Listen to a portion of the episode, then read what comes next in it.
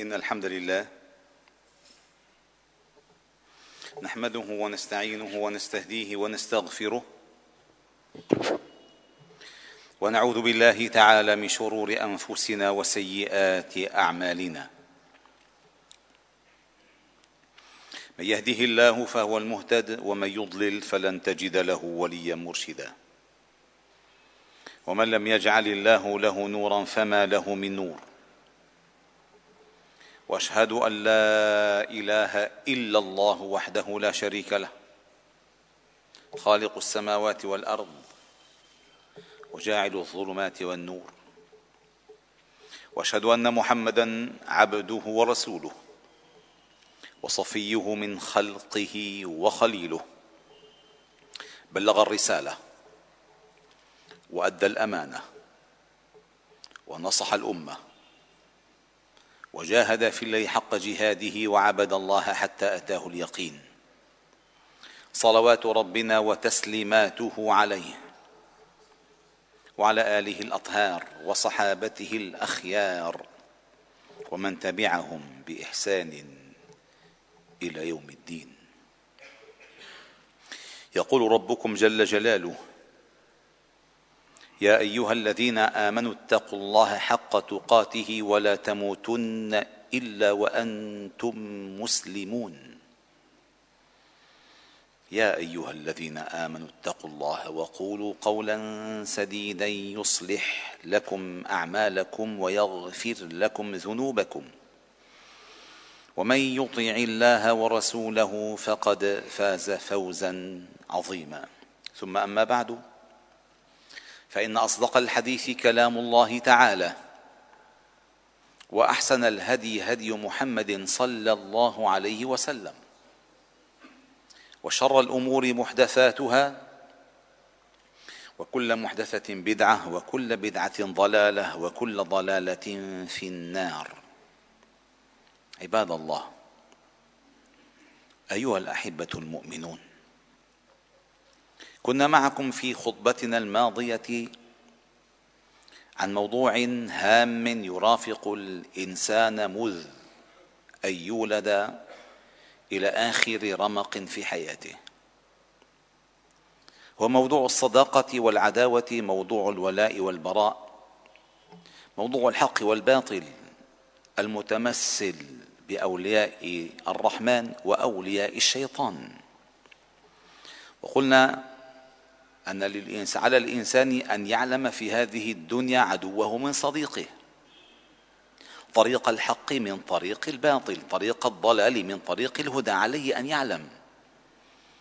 حتى لا تستهويه الشيطان في الأرض حيران. حتى لا يمشي مكبا على وجهه. حتى لا يبقى جسدا حيا بقلب ميت. حتى لا يبقى راسا بلا عقل يفقه أو يعقل أو يعقل. ينبغي للإنسان أن يعلم. وأن يعلم بداية العداوة ولما نشأت هذه العداوة وكيف يتخلص من شر هذه العداوة. وشرحنا لكم معنى الاستعاذة. وأنه ينبغي للإنسان دائما أن يعوذ بالله العظيم من شر الشيطان الرجيم. وعليه أن يفهم ما معنى أن يدخل الإنسان في حصن الله المنيع. من عدو لا يراه وهو يراه. من عدو يزين له الباطل وهو يوهمه أنه هو الحق. وهذه الوسائل التي يتبعها إبليس وجنوده من شياطين الإنس والجن عندها قواعد تحديث على مر الأزمنة والأمكنة. ولكن هناك خطوط عريضة الله جل جلاله أنبأنا بها وأوضح لنا معالمها رحمة منه بنا. فالله هو الرحمن الرحيم. وننطلق بكم من خلال آيتين أو موضعين في كتاب الله تعالى اثنين. أول موضع في سورة النساء والموضع الثاني في سورة الإسراء. فلنبدأ بالإسراء. فلنبدأ بالإسراء أيها الأحباب الكرام. هذه السورة العظيمة الشأن الجليلة القدر التي تبين مدى أهمية القرآن في هدايته للتي هي أقوم والتي تبين مدى أهمية هذه الأمة ومكانتها على باقي الأمم وتبين أن هذا القرآن الذي أنزله الله جل جلاله هو الحق الذي لا ثاني له وهو الذي إن سمعه الذين أوتوا العلم يخرون للأذقان سجدا. ويبين معنى جلالة أسماء الله الحسنى الذي ينبغي للإنسان أن يلوذ ويدعو الله تعالى بها دائما. وكيف يختم دائما بالحمد والتكبير والتسبيح والإنابة والرجاء والخوف والطمع والوجل. فأتى في وسط سورة الإسراء قوله تعالى وإذ قلنا للملائكة اسجدوا لآدم فسجدوا. إلا إبليس قال أسجد لمن خلقت طينا؟ سجد الملائكة. قال إلا إبليس. قال اسجد لمن خلقت طينا؟ هذا الاعتراض من إبليس. هل هو على نوع الخلق الذي خلقه الله جل جلاله فكان آدم؟ أم اعتراض على عدم؟ على عدم. شوف الخطورة في الموضوع أيها الأحباب الكرام. على عدم قبول ما الله تعالى أراد أن يخلقه. وكأنه يتهم الله تعالى في اختياره. خلقت طينه وأنا أسجد له. أرأيتك هذا الذي كرمت علي؟ فهو يظن أنه من نار وأن النار التي تتوهج ودائما إلى فوق وتضيء وتنضج. و و و قال أرأيتك هذا الذي كرمت علي؟ لئن أخرتني إلى يوم القيامة لأحتنكن ذريته إلا قليلا. هذه مناظرة جريئة وقحة. أراد إبليس أن يضع نفسه في موضع المتعالي على قرارات الله وعلى أقدار الله. قال لئن أخرتني أخرني وشوف شو حيصير. لئن أخرتني إلى يوم القيامة لأحتنكن ذريته إلا قليلا. ما معنى أحتنكن؟ كلنا نعلم أيها الأحباب الكرام ما هو الحنك. مجمع الحنك هنا عند ملتقى اللحيين هذا الحنك. هذا الحنك أيها الأحباب الكرام أجلكم الله تعالى عندما يوضع اللجام في الدابة وفي الفرس خصوصا فإنه يوضع عند حنكها. فالذي يقودها ويركبها الذي يقودها ويركبها يتحكم بسيرها اقداما واحجاما سرعة وبطئا من خلال قياده للحنك. فعندما يقول إبليس لأحتنكن أي لأسيرن لأجعلن ذرية آدم يقدمون أو يحجمون سأزين لهم الباطل وسأقودهم إليه. سأغوي بني آدم وأسهل الطرق الوصول إليه. فألحنك أنا أمسكه. فعندما ألجمه يقف وعندما أرسله ينطلق لأحتنكن ذريته إلا قليلا. كان الجواب أيها الأحباب الكرام قال اذهب. فمن تبعك منهم لأنه له نصيب. له نصيب ولقد صدق عليهم إبليس ظنه فاتبعوه.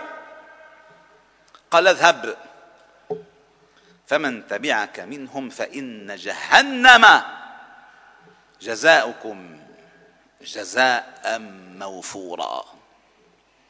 أيها الأحباب الكرام هذه آية في غاية التهديد. ليس لإبليس. بل لمن تبع إبليس.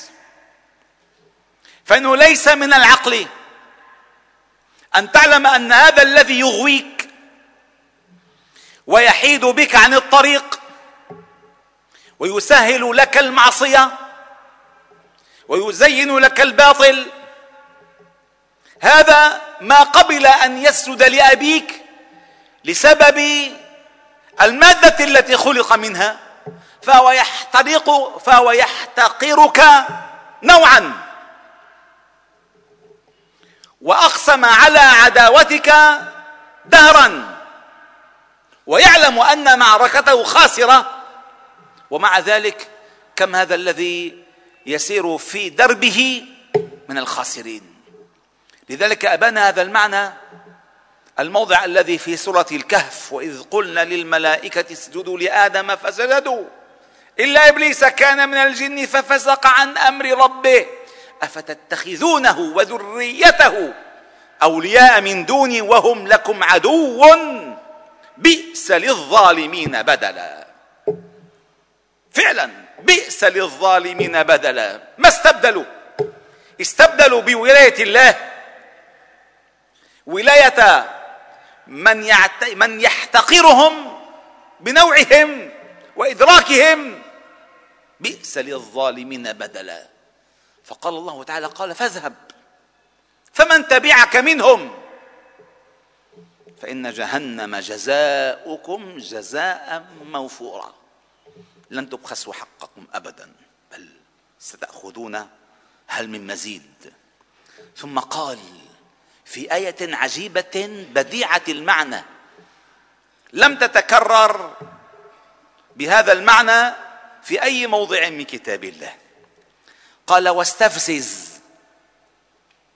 من استطعت منهم بصوتك وأجلب عليهم بخيلك ورجلك وشاركهم في الأموال والأولاد. وعدهم.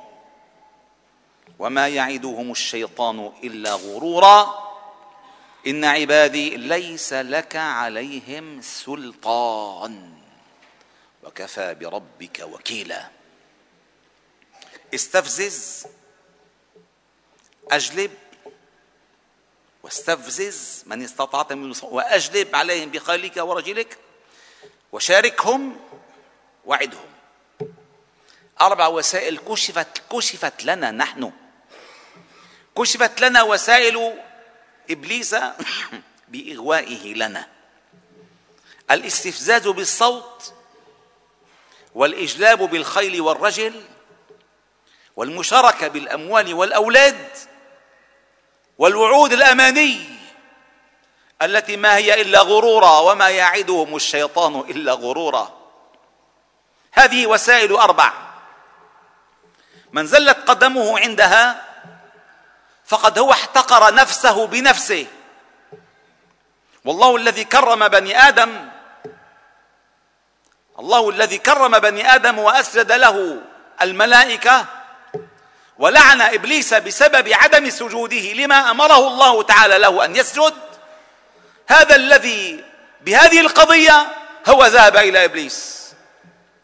ولكن أي أفعال يفعلها إبليس. وإبليس أيها الأحباب الكرام عنده مدرسة مدرسة. هذه المدرسة ممتدة زمانا ومكانا. لا حدود لا لجغرافيتها ولا لتاريخها ولا لأنواع المنتسبين إليها. فيستطيع كل مخلوق من الثقلين أن ينتسب إليها ويصبح من الجنود المقربين إلى رأس الفتنة إبليس. استفزز من استطعت منهم بصوتك. الصوت عندما يحرك يجيش. فيستفز إبليس الناس بصوته سواء كان غناء سواء كان تحريضا سواء كان شعارات سواء كان كذا وكذا. كل هذه استفزاز. استفزاز من إبليس لك بصوتك بصوته. ثم قال وأجلب عليهم بخيلك ورجلك. نحضر الجنود حضر الخيل حضر ما تستطيع من عدة من عدة. ما استطعت أجلب الجلبه كما الإنسان يريد أن يجهز جيشا يقول استنفار عام. المشاة المدرعات الطيران كله يستعد للاستنفار. كله في قواعده. جاهز للانقضاض والمعركة. أجلب عليهم بخيلك ورجلك وشاركهم. شاركهم. شو شاركهم؟ والله هذا فعل مخيف. شاركهم. الإبليس مشاركة لنا في أموالنا وأولادنا. نعم. لإبليس وجنوده. مشاركة لنا أي لبني آدم في الأموال والأولاد. كيف ذلك أيها الأحباب الكرام؟ مشاركته بالأموال معروفة. فكل كسب حرام لإبليس فيه نصيب. ولإبليس فيه الباع الأوع الباع الأوسع. في تزيين هذا الحرام. هذا الحرام بنفسك. وتسويله لنفسك أن تأخذه من غير حله. بأن يمنيك. هذا أفضل وهذا أحسن بيصير معك مال. وإن كان حراما وإن كان ربا وإن كان من أكل حقوق أموال الناس وإن كان بالغش وإن كان بالكذب وإن كان بالغبن وإن كان وكذا وبكذا كل هذه من مشاركة إبليس بالمال. فعندما يفقد الإنسان بركة المال فلينظر من شريكه في المال. لأن الله تعالى يبارك بالحلال ويمحق الله الربا ويربي الصدقات. فعندما يفقد الإنسان ماله وعندما يشعر أنه معه مال كثير لا بركة فيه فلينظر هذا الشريك كم يأخذ كم له الحظ الأكبر منه. أما المشاركة في الأولاد فخذوا حذركم أيها الأحباب الكرام. مشاركة إبليس وجنوده في الأولاد خطيرة جدا خطيرة مذ ان يختار الرجل المرأة التي يريد أن يتزوجها. فإن اختارها لحسنها لا لدينها فالخاطب مع الخطاب إبليس. وإن اختارها لجمالها لا لخلقها ودينها فالمعجب كذلك بها إبليس. وإن اختارها لنسبها وعائلتها. كذلك المساهل لهذه الخطوبة ولهذا الزواج إبليس. لم يعلم أن هذه البيوت لا تدوم ولا تدخل إليها السعادة ولا يشعر أهلها بالطمأنينة. وشرحت لكم في خطبة الماضية عندما يبعث إبليس سراياه ثم يعودون إليه ويقدمون التقارير فأقربهم منه منزلة أعظمهم فتنة وهو الذي لا يزال بالرجل حتى يفرق بينه وبين زوجته حتى يخرب بيته حتى يدمر الأسرة فيخرب الأموال والأولاد والبنات والزوجات. هذه المشاركة قبل أن يأتي الأولاد قبل أن يأتي الأولاد سجل اكتتاب أسهم في هذا الزواج. وعندما يأتي الأولاد قبل أحيانا أيها الأحباب الكرام أنا أعرف اشخاصا للأسف لما بتحبل مرته بيفتح له حساب بالبنك جاري ربا تسجل عليه المعصية وهو في بطن أمه. بيطلع بيلاقوا معه دفتر توفير. وأمواله غير الأيام البنوك راحت. بس هكذا كان الناس. بدل أن يقول كما قالت امرأة عمران ربي إني نذرت لك ما في بطني محررا. فتقبل مني. فتأتي البركة ولو من أنثى. وتأتي البركة لصلاح النية. أي كيف وأن تأتي البركة بهذه النية؟ إذا قبل أن يخرج إلى العالم. فإذا خرج إلى العالم تبدأ الشياطين تتلقفه من هنا وهنالك. بالبداية بالتسمية. يسمونه أسوأ الأسامي وأكرهها إلى الله وأبعدها عن الفطرة. فيحمل هذا الاسم الذي لا يذكره بالله ولا بعباد الله ولا بأنبياء الله ولا بوظيفته التي ينبغي أن يعيش عليها. يسميه تسمية لهؤلاء النجوم المطموسة وهؤلاء الساقطين الفنانين أو هؤلاء الأبطال المجرمين فيعيش مأسورا بهذا الاسم ويتقمصه تقمصا هذا الاسم. هذا بذل التسمية. وإن كان اسمه من عبد الله وعبد الرحمن و لا يعرفه لأنه دائما ينادى به بالدلع. فيخرج إلى العالم متميزا أو في سن التميز ولا يميز الوظيفة التي خلق لأجلها ولا معنى الاسم الحقيقي الذي حمله. هذا لم يكلف بعد وإبليس له منه نصيب. شاركهم يشاركهم وفاتني أن أذكر لكم كذلك أنه عند عند الزواج وعندما يريد أن يدخل الرجل بزوجته عندما ينسيه ينسيه تسمية الله تعالى ويغريه بالطرق المنحرفة في طريقة الزواج حفل العزوبة وحفل إلى آخرها المسخرة كلها. هذا كله من الوساوس الإبليسية.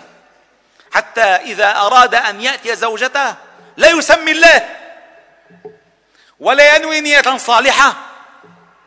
فيأتي لهذا الشيطان له نصيب في الولد. منذ أن طلبه وابتغى هذا الولد. ثم ينمو هذا الولد ينمو هذا الولد ثم يدخله في أول مداخل إبليس عندما يختار أسوأ المدارس له وأسوأ الصحبة له وأسوأ المنابت له. ثم عندما يبلغ هذا الولد ويصبح رجلا مسؤولا وتبدأ معه المشاكل. يا شيخ ما عم نقدر على الأولاد. يا الله ما عم ما أنت وصيت على هيك. هذا المنتج صيني من أول يوم. هذا المنتج مزور من أول يوم. تصحيحه الآن لا أقول مستحيل ولكن صعب. لذلك أيها الأحباب الكرام فكوا هذه الشراكة من منذ الآن. شراكة خطيرة جدا. تصوروا الآن في العالم. دخلوا على طريق الأولاد والبنات ذكورا وأناثا بحرية اختيار الجنس بحرية اختيار الرفيق المساكنة. وللأب ليس للأب سلطة وليس للأم سلطة. وسيصبح بعد ذلك قانون يحاسب عليه من يرفضه. هذه أخطر شيء. ناهيك عندما تنبت أو تنشأ البنت وينشأ الصبي. تنشأ البنت ومثله ومثلها الأعلى أدنى مراتب البشرية عند النساء. إن كان بقصة شعرها أو بحركة جسمها أو بشكل ثيابها أو بنفع أو باختيار رفقتها أو باختيار سلوكها. من مثلها الأعلى؟ فاطمة؟ لا. عائشة لا خديجة لا. من؟ من من يستحي الإنسان أن يذكر أسماءهن حتى. ولكن سبحان الله غزيت بناتنا بسبب مشاركة إبليس في العقد الأول في الصفقة الأولى. وكذلك البنون الذكور. همه الأول أين؟ في اللهو الباطل. في لهو باطل. شوفوا راقبوا أماكن الألعاب الإلكترونية. لو كانت لو كان لهوا غير باطل فإنه فإن اللهو الذي لا يسمى باطلا هو لهو يعود عليك إما بعقل يحرك فيك عقلا أو يقوي فيك بدنا.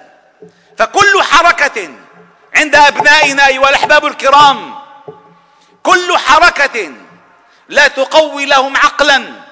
ولا تقو لا تزيد لهم عقلا ولا تقوي لهم بدنا هو من اللهو الباطل الذي لإبليس فيه مشاركة. وبعد ذلك سيصبح هذا الولد عاقا ليس عاقا ستصبح انت المطيع لابنك.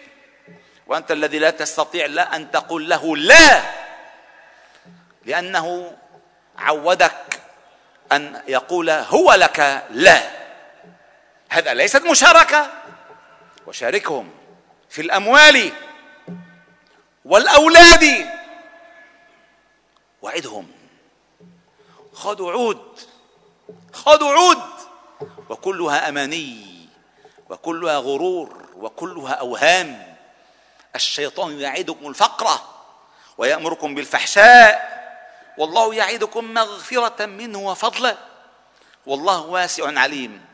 عندما الله يقول لنا ما يقوله إبليس عندما يقوم خطيبا في أهل النار كم يطمئن الذي يعادي إبليس سلوكا؟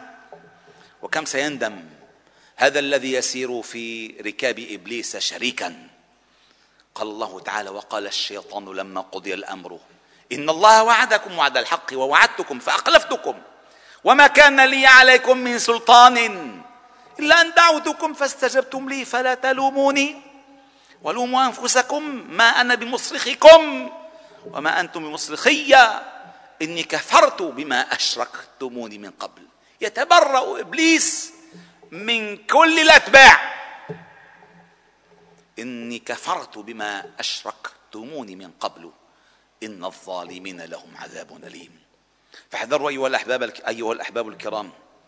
احذروا مشاركة إبليس في أموالكم في أولادكم وفي حياتكم وفي قراراتكم.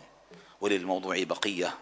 أقول ما تسمعون وأستغفر الله العظيم لي ولكم فاستغفروه. فيا فوز المستغفرين استغفروا الله.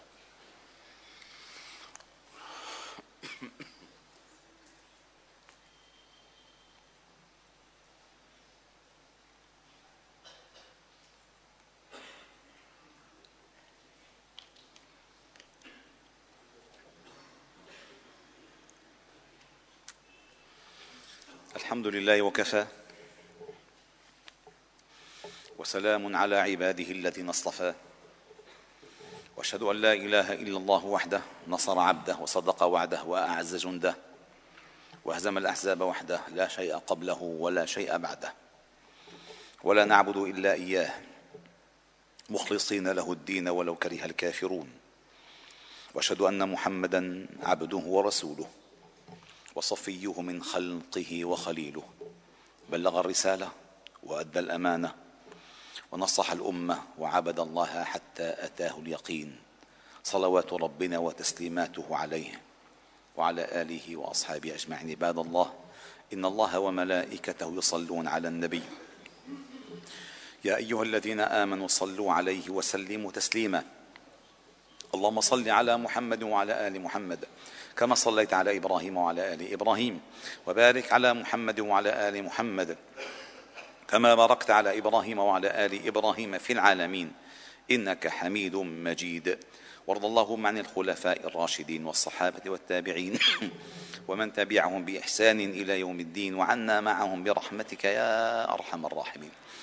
اللهم ارحمنا فإنك بنا راحم ولا تعذبنا فإنك علينا قادر. ولا تسلط علينا بذنوبنا من لا يخافك ولا يرحمنا. يا حي يا قيوم برحمتك نستغيث أصلح لنا شأننا كله. ولا تكلنا إلى أنفسنا طرفة عين ولا أقل ولا أكثر. اللهم اهدنا واهد بنا واجعلنا سببا لمن اهتدى. اللهم اجعلنا هداة مهتدين غير ضالين ولا مضلين سلما لأوليائك وحربا على أعدائك. نحب بحبك من احبك ونعادي بعداوتك من خالف أمرك. اللهم اهدي شبابنا اللهم اهدي رجالنا اللهم اهدي نساءنا اللهم اهدي شاباتنا اللهم اهدي أبناءنا وبناتنا اللهم اهدي إخواننا وأخواتنا اللهم اهدي أمهاتنا وآباءنا ربنا ارحمهما كما ربيانا صغارا. اللهم اهد علماءنا لقول الحق واهد ولاة أمورنا للحكم بالحق واهدنا بهداك ولا تكلنا إلى سواك. اللهم اهدنا لأحسن الأخلاق والأعمال والأقوال. لا يهدي لأحسنها إلا أنت. واصرف اللهم عنا سيئها. لا يصرف عنا سيئها إلا أنت. اللهم استعملنا فيما يرضيك عنا. اللهم آت نفوسنا تقواها. وزكها أنت خير من زكاها. أنت وليها ومولاها. اللهم إنا نعوذ بك من زوال نعمتك وتحول عافيتك وفجاءة نقمتك. وجميع وجميع سخطك.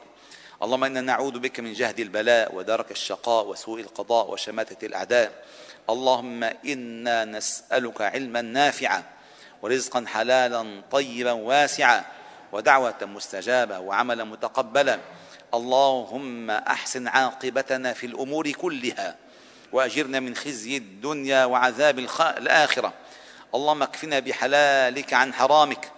وأغننا بفضلك عمن سواك.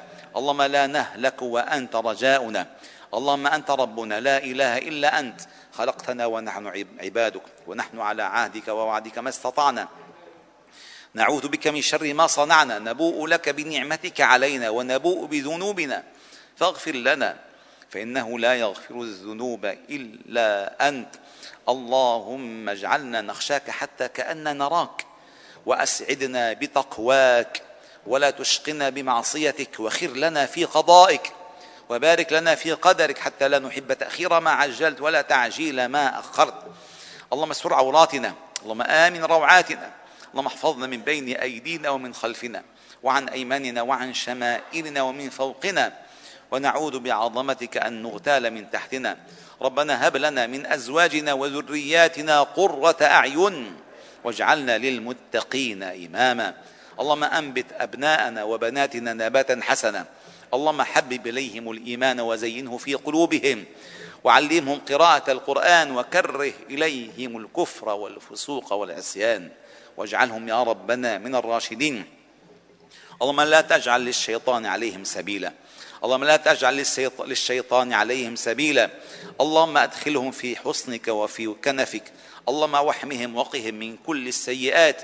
إنك سميع قريب مجيب. اللهم اجعل هذا البلد سخاء رخاء حفظا وأمنا بحفظك وأمنك. فإنك أنت الله خير حافظا. وأنت أرحم الراحمين. اغفر اللهم لنا ولوالدينا ولمن علمنا وللمسلمين في مشارق الأرض ومغاربها. سبحان ربك رب العزة عما يصفون. وسلام على المرسلين. والحمد لله رب العالمين.